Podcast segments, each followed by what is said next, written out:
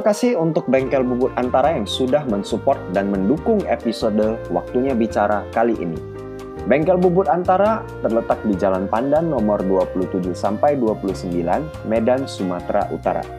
Bengkel Bubut Antara adalah perbengkelan manufaktur dan reparasi yang sudah berdiri sejak tahun 1969 dengan ragam pengalaman lebih dari 50 tahun di segala bentuk mekanikal permesinan dan produk jadi untuk industri karet, kelapa sawit, pembangkit listrik, dan bentuk industri manufaktur lainnya. Bengkel Bubut Antara juga merupakan supplier industri terlengkap, kontraktor, dan fabrikasi yang sudah dipercayakan oleh beragam perusahaan ternama dari bidang pengolahan kertas, percetakan, kelapa sawit, pakan ternak, industri beton, dan masih banyak lagi.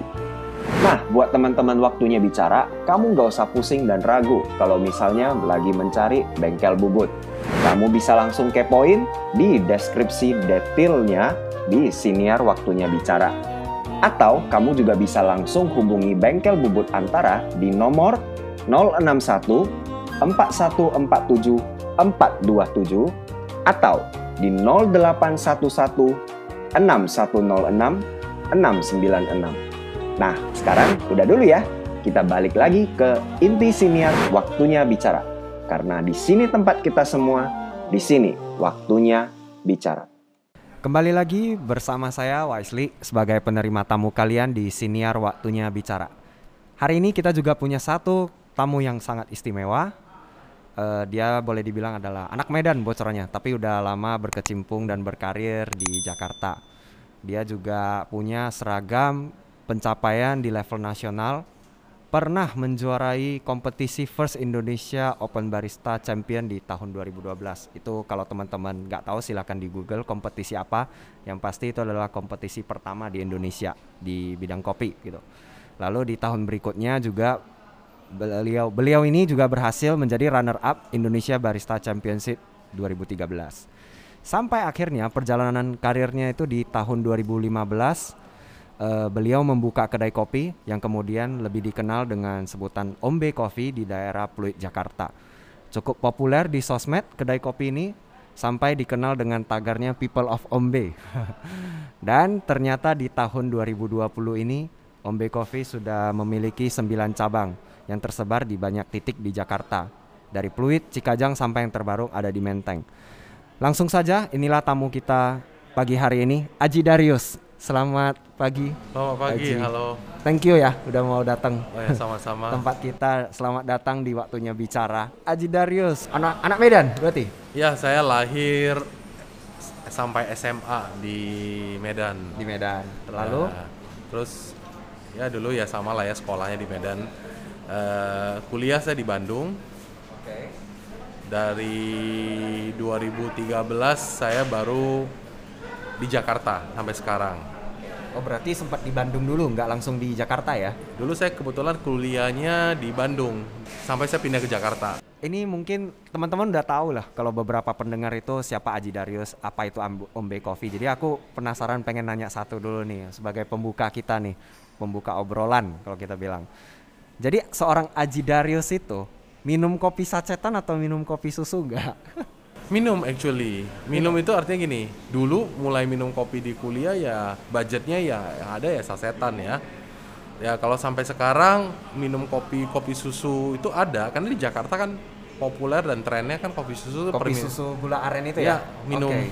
dulu kita kan jadi karirnya karena di barista tapi sekarang tuh saya pelan-pelan jadi customer yang baik jadi balik lagi. Yeah. dari barista jadi customer yang baik ya? Iya iya. Nah ini bicara soal uh, barista sama prestasi lo nih. Nah itu perjalanan histori lo sebenarnya gimana sih sampai bisa menjuarai kompetisi pertama lo gitu? Jadi kita mulai mungkin dari cerita dulu lah ya. Saya kenapa uh, in ke coffee industry lah terutama di specialty coffee industry gitu. Ya, specialty coffee. jadi dulu itu karena saya kuliah di Bandung uh, saya ngekos di ya di Bandung lah ya. Jadi teman-teman saya yang satu kos itu beberapa tuh semuanya pecinta kopi. Jadi teman saya juga sama saya itu teman-teman lah suka banyak backpacking gitu kan. Jadi ketika balik-balik dari backpacking mereka suka bawa kopi dari masing-masing tempat gitu kan. Jadi karena kita suka ngopi bareng di kos. So after itu gua lulus kuliah dan itu sebelum belum lulus masih skripsi. And then that time kita karena masih very young ya that time ya 10 years lebih dari 10 years ago kita want to do a project gitu. Uh, teman-teman saya bilang kalau udah lulus mau ngapain?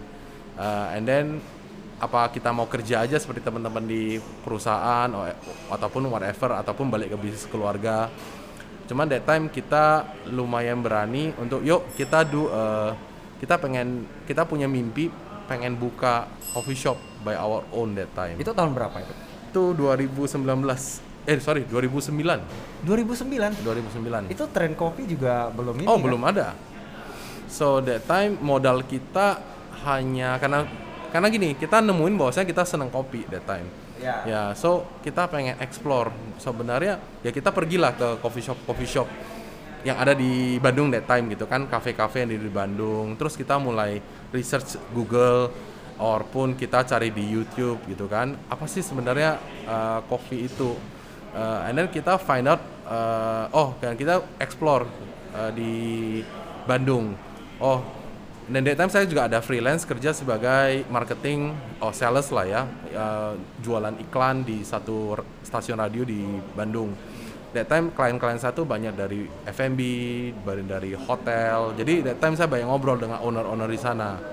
So owner sana itu ya karena orang F&B ya uh, biasanya lumayan open minded dan transparan ya. Jadi udah daripada lu lu pengen kopi, lu beli aja mesin kecil di S Hardware yang harganya cuman gua masih ingat itu cuma 700 ribu buat aja di kosel dan listriknya kecil. Nah, that the first machine yang gua beli itu adalah start awal gua enter lebih deep di industri kopi. Ya, jadi that time kita benar-benar belajar dari scratch lah. Benar-benar nggak ada mentor dan benar-benar have fun aja because we we love to do it aja gitu kan. Jadi benar-benar kita beli kopi sasetan dari seluruh Bandung, kita buatin dengan mesin espresso yang sekecil itu. Wah gila, keren Ya, banget tuh. Bukan keren sih. Eh, ya ya kita bilang dulu, dulu tuh kayak gini ya. Dodol banget gitu kan. Iya. Cuman karena eh, yang modal yang kita punya cuma satu, curiosity. Karena kan is no risk.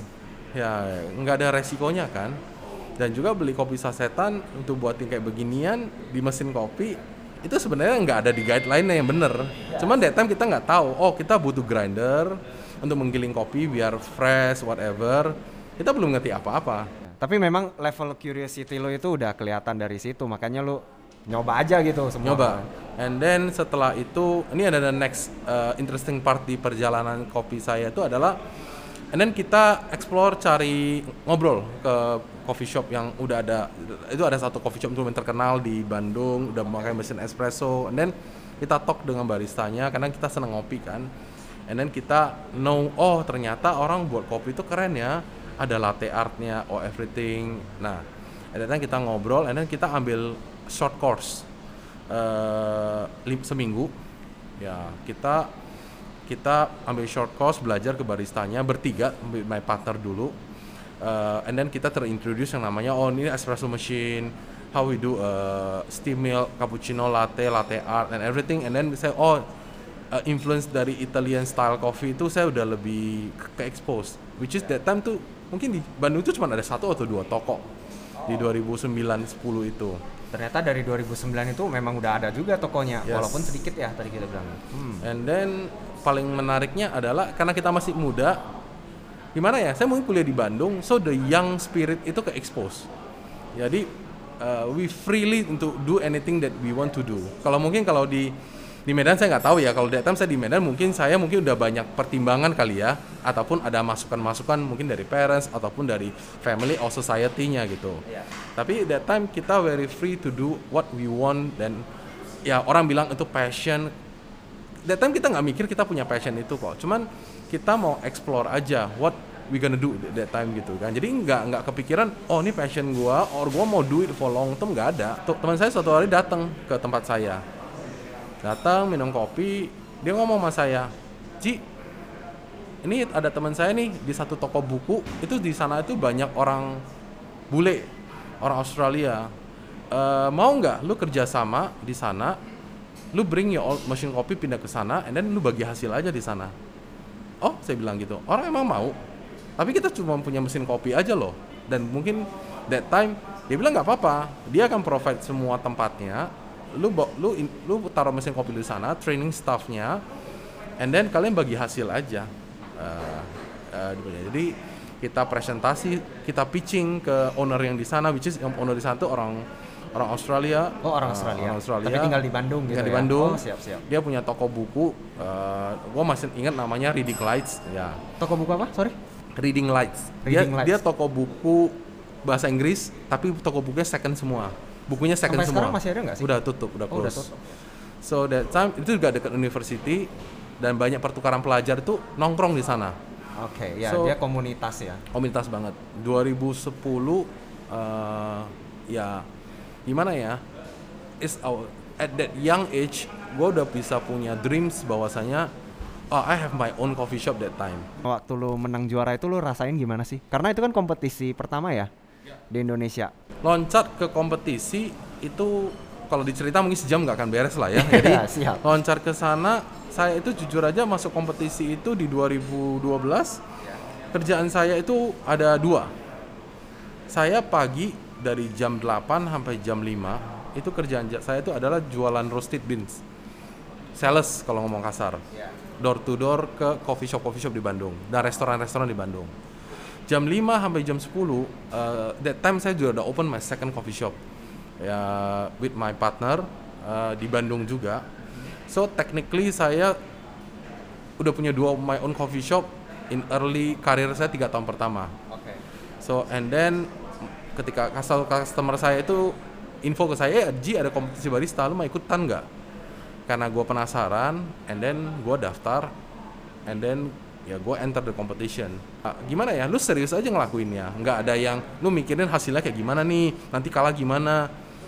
Kayak karena kita penasaran dan want to do it, ya kita juga tiap hari kita latihan and then do it the right way. And then gue tiba-tiba aja dapat juara satu di kompetisi itu. And then tahun depan karena saya masih ada piece yang gua, belum gue pengen belum ke achieve di gue, gue gue tetap training dan eh, maju ke kompetisi tingkat nasional. Gue dapat runner up. And then gue dapat opportunity untuk compete di Singapura Asian Barista sama di Dubai.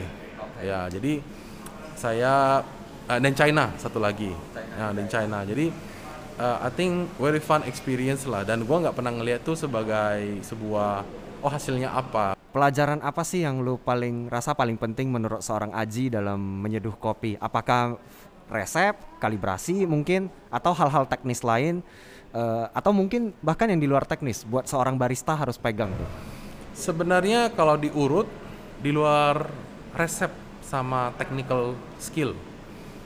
Karena jujur aja ketika saya belajar kopi mungkin saya akan ngomong method uh, equipment sama skill itu nomor satu. Tapi setelah saya jalanin itu terutama kita udah masuk ke bisnis industri ya specialty coffee ataupun coffee shop actually hospitality itu nomor satu gimana caranya kita bisa serving the community actually itu much more important daripada kita hanya ngandalin kita jago ataupun geeks and know everything about coffee ya cuman itu tetap dibutuhkan menurut saya Menurutnya menurut Aji tetap dibutuhkan ya. Ya. Nah, berarti kalau boleh dibilang disimpulkan secara singkat Aji ini idealis atau pragmatis? kalau kalau kalau gua bilang sih kita bukan idealis atau pragmatis ya. In the middle itu mungkin lebih rasional aja ya, Yes, Ya, rasional tuh artinya eh, untuk datang ke industri ini dulu mungkin 10 tahun lalu saya juga orangnya sangat idealis. Oke. that time eh, gua pengen kopi saya itu fresh ground whatever lah. Karena kita receive a, a new knowledge sama new value di coffee gitu kan. Tapi kalau sekarang ya saya bilang rasional kenapa? Eh, karena kan orang harus berkembang ya kita nggak bisa bilang eh, kayak saya bukan bilang punya jiwa idealis itu salah ya tapi itu kan pilihan orang dan ki- visi kita buat kita jalanin industri ini apa apa goal kita for long term gitu kan kita kan punya masing-masing punya ini Dan untuk mencapai goal mencapai itu, goal kita masing-masing mencapai goalnya si Aji, Aji memilih menjadi yang rasional. rasional rasional tuh artinya ya lo harus bisa adaptasi aja dengan semua perkembangan zaman. Menarik. Nah, jadi kalau bicara dari barista kembali nih, sekarang yang kita tahu Aji ini udah naik level nih, lebih fokus ke bisnis manajemen lah kalau kita bilang. Kenapa Aji itu lebih memilih uh, fokus ke bisnis manajemen, nggak bikin sekolah khusus barista gitu aja? Bagi saya itu pilihan ya. Saya nggak bilang itu buka sekolah itu something yang nggak bagus atau nggak sukses. Uh, karena di Jakarta my friend yang sukses buka sekolah juga ada gitu kan. Uh, but itu hanya pilihan pilihan gini loh. Mau mau karir apa pun, bisnis apa pun, usaha apa pun, uh, kalau kita jalanin punya long term goal, I think itu everything akan jadi jelas apa pilihan kita sekarang. Ya, jadi bukan karena oh di sini lebih untungin sana enggak ya jadi gimana kita how to divine ourselves aja maksudnya uh, itu lebih ke sana sih. Mana ditanya kenapa Ji lu ngurusin kafe daripada buat kopi? Lebih jauh dong dari meja bar. Uh, yes it is. Ya. Karena saya juga pengen grow secara personal. Uh, karena gini bukan karena oh di barista tuh nggak ada nggak ada nggak ada nggak ada lebih cuannya kalau orang bilang kan. Ya nggak juga gitu kan. My friend Muhammad Aga jadi barista jadi selebriti and very success gitu kan. Yes. uh, cuman kenapa gue nggak jadi dia? Ya karena karena kita know our goal gitu kan. Yeah. even though saya dari dulu jadi barista kan saya tetap punya mimpi. Saya pengen jadi seorang uh, yang bisnis di coffee yang sukses gitu kan. And then from that goal kita divine. Apa yang harus kita pelajari untuk bisa sukses di sana? Bukan karena apakah coffee is enough? Ya. Apakah cuma bisa technical skill itu akan make you sukses? Oh ternyata enggak ternyata saya learn a lot, of thing di perjalanan saya adalah only coffee skill tuh nggak enough untuk kita make a success di industri jadi akhirnya saya 2012-13 saya kan pindah ke suatu perusahaan yang cukup besar karena jujur aja dua coffee shop perusahaan saya tutup karena I lack of experience in business. That time the uh, failure saya itu jadi pelajaran buat saya yang paling besar adalah oh ternyata itu bisnis even that time saya udah punya barista punya uh, ya boleh bilang udah punya prestasi di barista tapi yang membuat saya sadar adalah itu nggak enough untuk make you success jadi lu harus learn more than coffee dan ternyata dari perjalanan itu lahirlah Ombe Coffee kita bicara sedikit lah ya untuk si Ombe ini sebenarnya apa sih yang dilakukan? Karena ini kan uh, yang saya tahu Ombe 2015 ya, ya. bener ya. Dari 2015 sampai 2020 sudah lima tahun perjalanan juga. Apa sih yang sebenarnya uh, dari pelajaran perjalanan hidup lu lah ya dari seorang Aji yang lu bawa ke Ombe juga sampai akhirnya Ombe itu bisa tetap eksis dan memberikan nilai yang berbeda dengan kedai kopi lain karena kita tahu nih kalau di Indonesia terutama Jakarta itu banyak banget loh kedai kopi yang bagus-bagus kan. Ya. Actually Ombe itu saya cuma partner di Ombe. I am a managing partner di sana. So I have a shareholder di sana. Nah, kalau ngomong Ombe itu sebenarnya Ombe salah satu foundernya Ombe itu adalah my client and my boleh dibilang orang yang saya ngajarin kopi that time. Ya di tahun 2013 ya namanya Jason Leo. Ya at that time dia cuma ngambil course barista ke saya and then itu bekal dia untuk buka Ombe Coffee actually at that time saya cuma bantu-bantu dia. Ya saya masih kerja di corporate tapi corporate saya yang punya beberapa uh, division lah. Uh, di machinery di roastery green bean trading sama di retail coffee shop juga. Uh, dan saya banyak bantu dia. And then that time 2016 saya di offer investment oleh shareholder untuk ya udah uh, dan dream saya bisa tercapai. Oh gue bisa balik lagi bisnis sendiri nih with my partner. Jadi singkat ceritanya adalah uh, Ombe Group itu founded bukan hanya dari saya tapi juga ada orang lain yang kita bareng-bareng run it. tapi dari sisi Ombe itu saya banyak take side and managing the business rather than doing the coffee part. Karena the coffee part I think my partner can run it very well. Uh, dan setelah saya find out adalah ternyata kalau kita 100% itu saya juga nggak passion semua 100% di coffee I have like maybe 40% itu saya punya passion di managing a business. Ya, jadi makanya saya bilang tuh nggak bisa disamain. Iya, why this lu why berhasil that. define goals lu itu di sana ya. Kenapa lu nggak sekolah barista ya? Lu seneng ini kan managing bisnis. Kalau sekolah barista kan tentu beda, harus kurikulum, teknikal kan segala beda macam. ya mungkin Bener banget. eh, makanya dari itu eh, I start dari sana tuh saya nggak berhenti belajar and then gue paling ingat ketika saya udah managing bisnis akhirnya saya buku buka semua buku-buku kuliah saya. And then saya start untuk learning finance. Ya I learn gue start learning operation lagi. And gue start untuk learning yang everything about management aspect untuk grow and and grow the business gitu kan. Nah jadi eh, perjalanan kita untuk terus belajar itu sebenarnya kalau ditanya Om B bisa sampai 9-10 toko itu modalnya apa? Modalnya cuma dua, curious, kedua ya terus belajar gitu kan. Jadi bukan karena oh Om B karena ya ininya ada ini, ada itu, ada shareholder, ada investor, bukan itu. Ya, gimana caranya managing satu toko? Oh sekarang kita udah punya empat toko. Gimana caranya kita managing lima toko? Gimana caranya replicate konsistensi untuk produce coffee eh, barista ke barista? Gimana caranya kita bisa train orang untuk dapat eh, quality dari service yang more or less sama di suatu toko? Itu kan semuanya adalah PR sama proses gitu kan. Dan itu nggak bisa di cut atau di apa ya?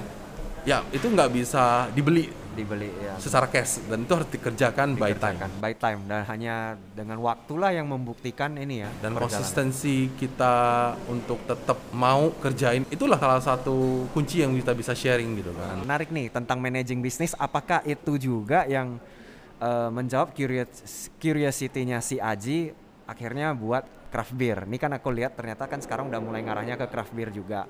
Kenapa masuk ke ini? Apakah memang cuman hobi atau gimana? actually itu lebih ke part of uh, business strategy rather than karena gue suka bir gitu enggak juga actually gue bukan orang yang peminum singkat cerita yang lebih interested itu kita di Ombe Coffee itu ada 10% produk kita tuh jualan craft beer ya so one day salah satu yang punya building give us an investment untuk build this project. Ya jadi uh, that time saya juga nggak ngerti apa-apa soal this industry uh, craft beer industry. That- actually sampai sekarang juga very new. Ya uh, saya travel ke Jepang ke Singapura ya untuk cari tahu ini apa sih sebenarnya gitu kan. Nah ketika balik lagi ke diri saya sebenarnya ketika kita udah managing coffee shop business itu aspeknya juga bukan coffee aja. Itu udah naik level ke satu level namanya kita udah managing F&B business. Ya jadi F&B business itu udah gak hanya ngomong kopi doang. Lo harus ngomongin banyak produk food uh, services service lah dan many aspek ya location uh, marketing operation dan lain-lain gitu kan. Jadi uh, ketika balik lagi saya managing craft beer proto- prototype craft beer itu adalah kita salah satu yang pertama di Indonesia. Ya. Challenge buat saya adalah saya bukan ngeliat ini adalah oh I want become the first one di Indonesia. Itu nggak penting. Yang saya lihat tuh adalah the trend in the whole around Asia dan di dunia itu trennya ke craft beer. Eh, orang mau divine eh, produk yang lebih baik bukan artinya produk yang lebih mahal gitu kan. Nah saya ngelihat adalah ini seperti kopi. Dulu 10 tahun yang lalu saya ngelihat tren kopi juga begitu. Oh tiba-tiba di Asia terutama ya oh trennya semuanya orang eh, ngarah ke kopi gitu kan. And then saya ngelihat craft beer itu more or less sama. Ya and then tapi singkat ceritanya adalah I'm step in to learn. Ya bukan whatever A B C D oh ini gimana gimana karena bagi saya adalah pelajaran yang paling berharga adalah ketika lu kerjain ya, ya. Karena memang lo define goals lo itu di sana sih di by purpose lah. Gua kalau deng kalau gua denger dari obrolan kita lah ya dari tadi. Oke, mungkin aku pengen sedikit nanya juga karena lu pernah sempat share salah satu quotes di postingan IG lo. Lo pernah ngepost uh, growth involves setbacks and a setback is a setup for comeback. Nah, ini kan quotesnya ini kayaknya bermakna buat lu nih sampai lu share juga kan di so- sosial media. Itu sebenarnya kenapa lu sampai ngeposting hal begituan? Actually eh, itu buku yang lumayan saya suka yaitu eh, dari dari salah satu eh, salah satu orang yang membesarkan Astra Internasional. Jadi dari uh, dari Bapak TP Rahmat bukunya. Jadi actually kalau balik the coachnya itu sebenarnya keywordnya cuma satu setback. Setback tuh banyak arti. Itu bisa mundur, failure, dan everything gitu kan. Jadi uh, menurut saya sih saya udah make a lot of mistake ketika saya muda. Jadi I earn the lesson earlier rather than another guys di industri. Saya udah buka dua shop and then close down. Ya kan, dan saya kerja balik uh, and then I face a lot of problem, issue. Even though bisnis sampai sekarang with my partner, saya juga do a lot of mistake and failure. Saya buka ombe semua juga nggak semuanya happy gitu kan. Ya, jadi tapi ketika kita ngelihat ke belakang dan kita ngelihat hari ini, dibandingkan ya mungkin ke teman-teman lain, oh, saya ngerasa bahwasanya oh I'm growth udah satu level di atas yang kita mau. Ya, jadi boleh boleh dibilang uh, ya setback itu sebenarnya ya intinya gini loh.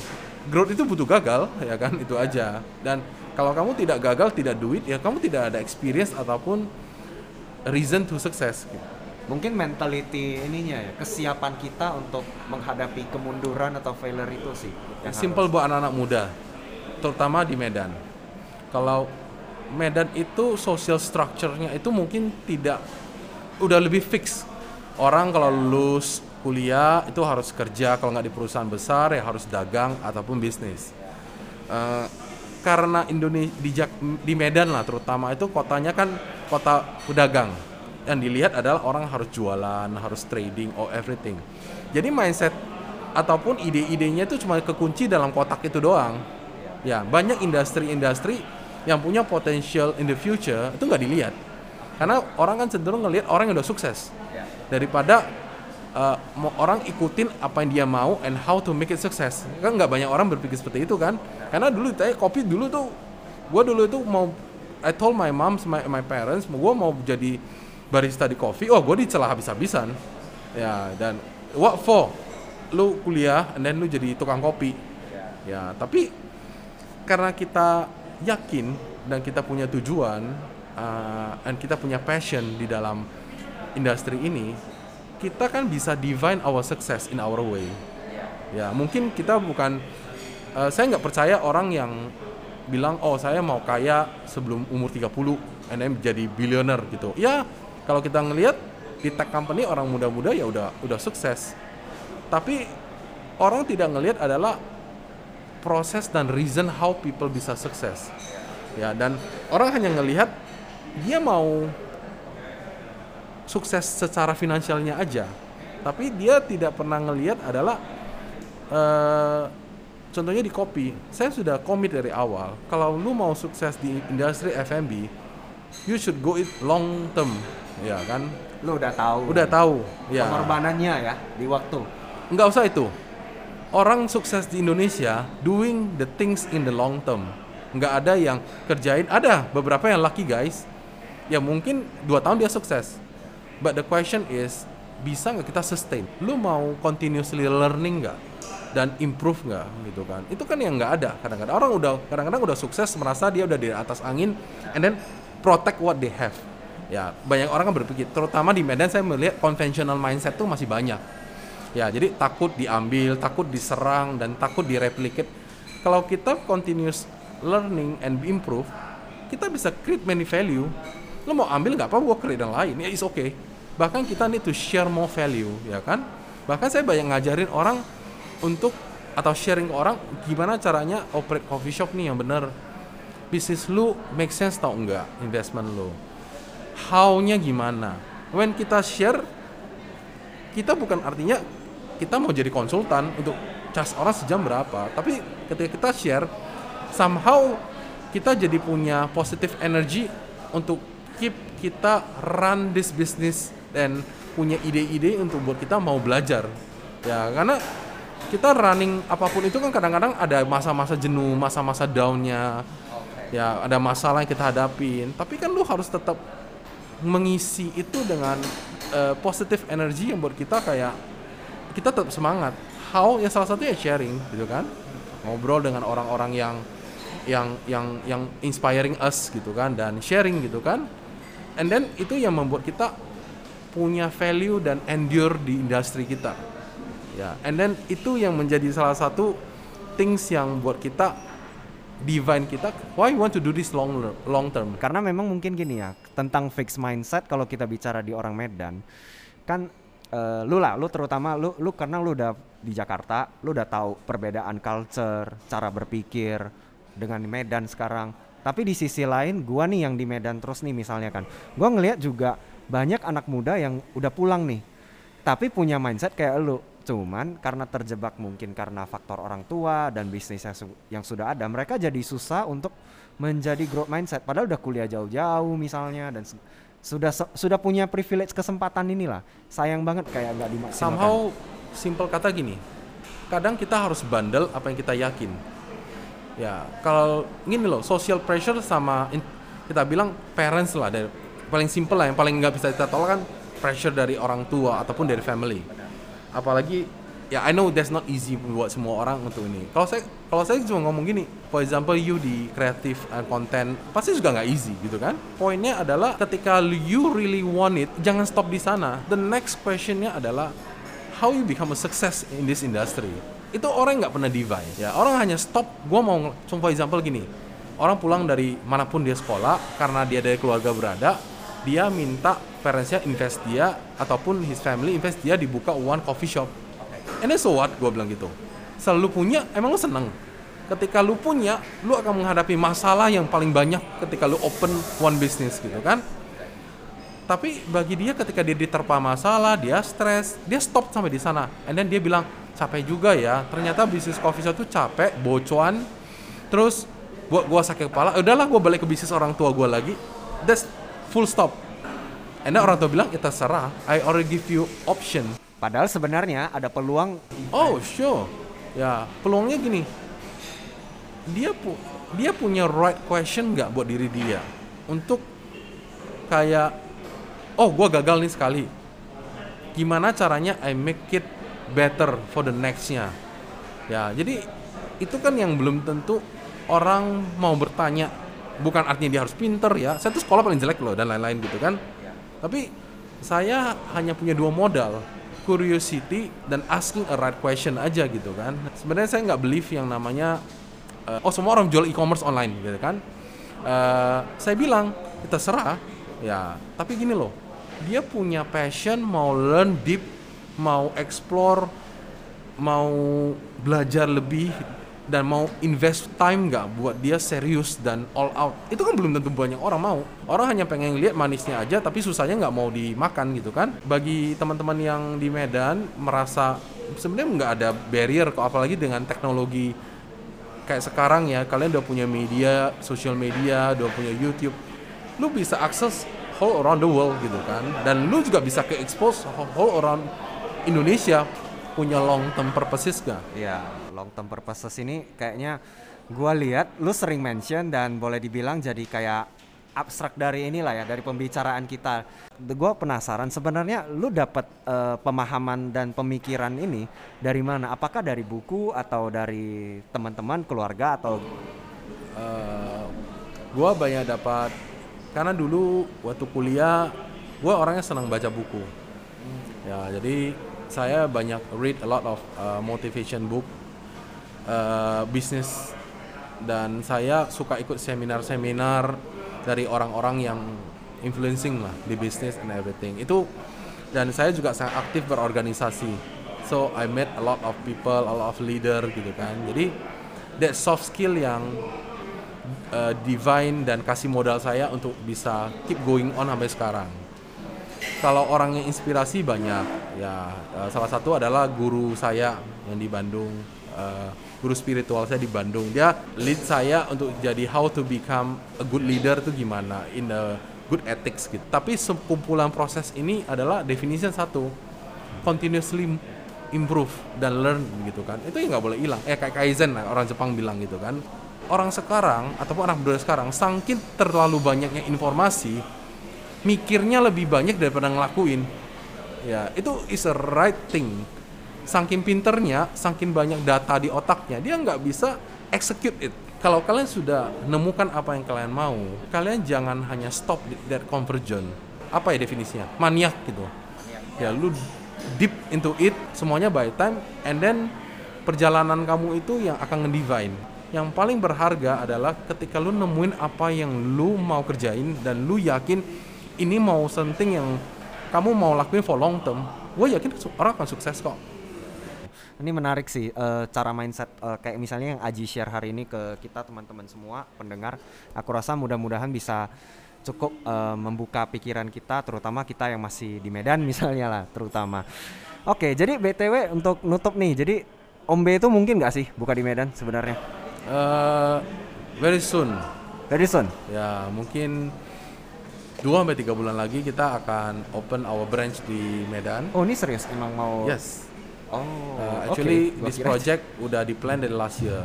Ya, cuma karena ada covid kita agak. Oke. Okay. Ini agak, memang bentuk kontribusi lo ke Medan apa gimana nih? No, not really, not really, uh, not really. Uh, uh, it's all is a business decision. Decision, business ya, decision. Oke, ya. oke. Okay, okay. Menarik nih. Baiklah kita tunggu sepak terjang Aji Darius kembali di Medan setelah 10 tahun berkelana di Jakarta dan Bandung.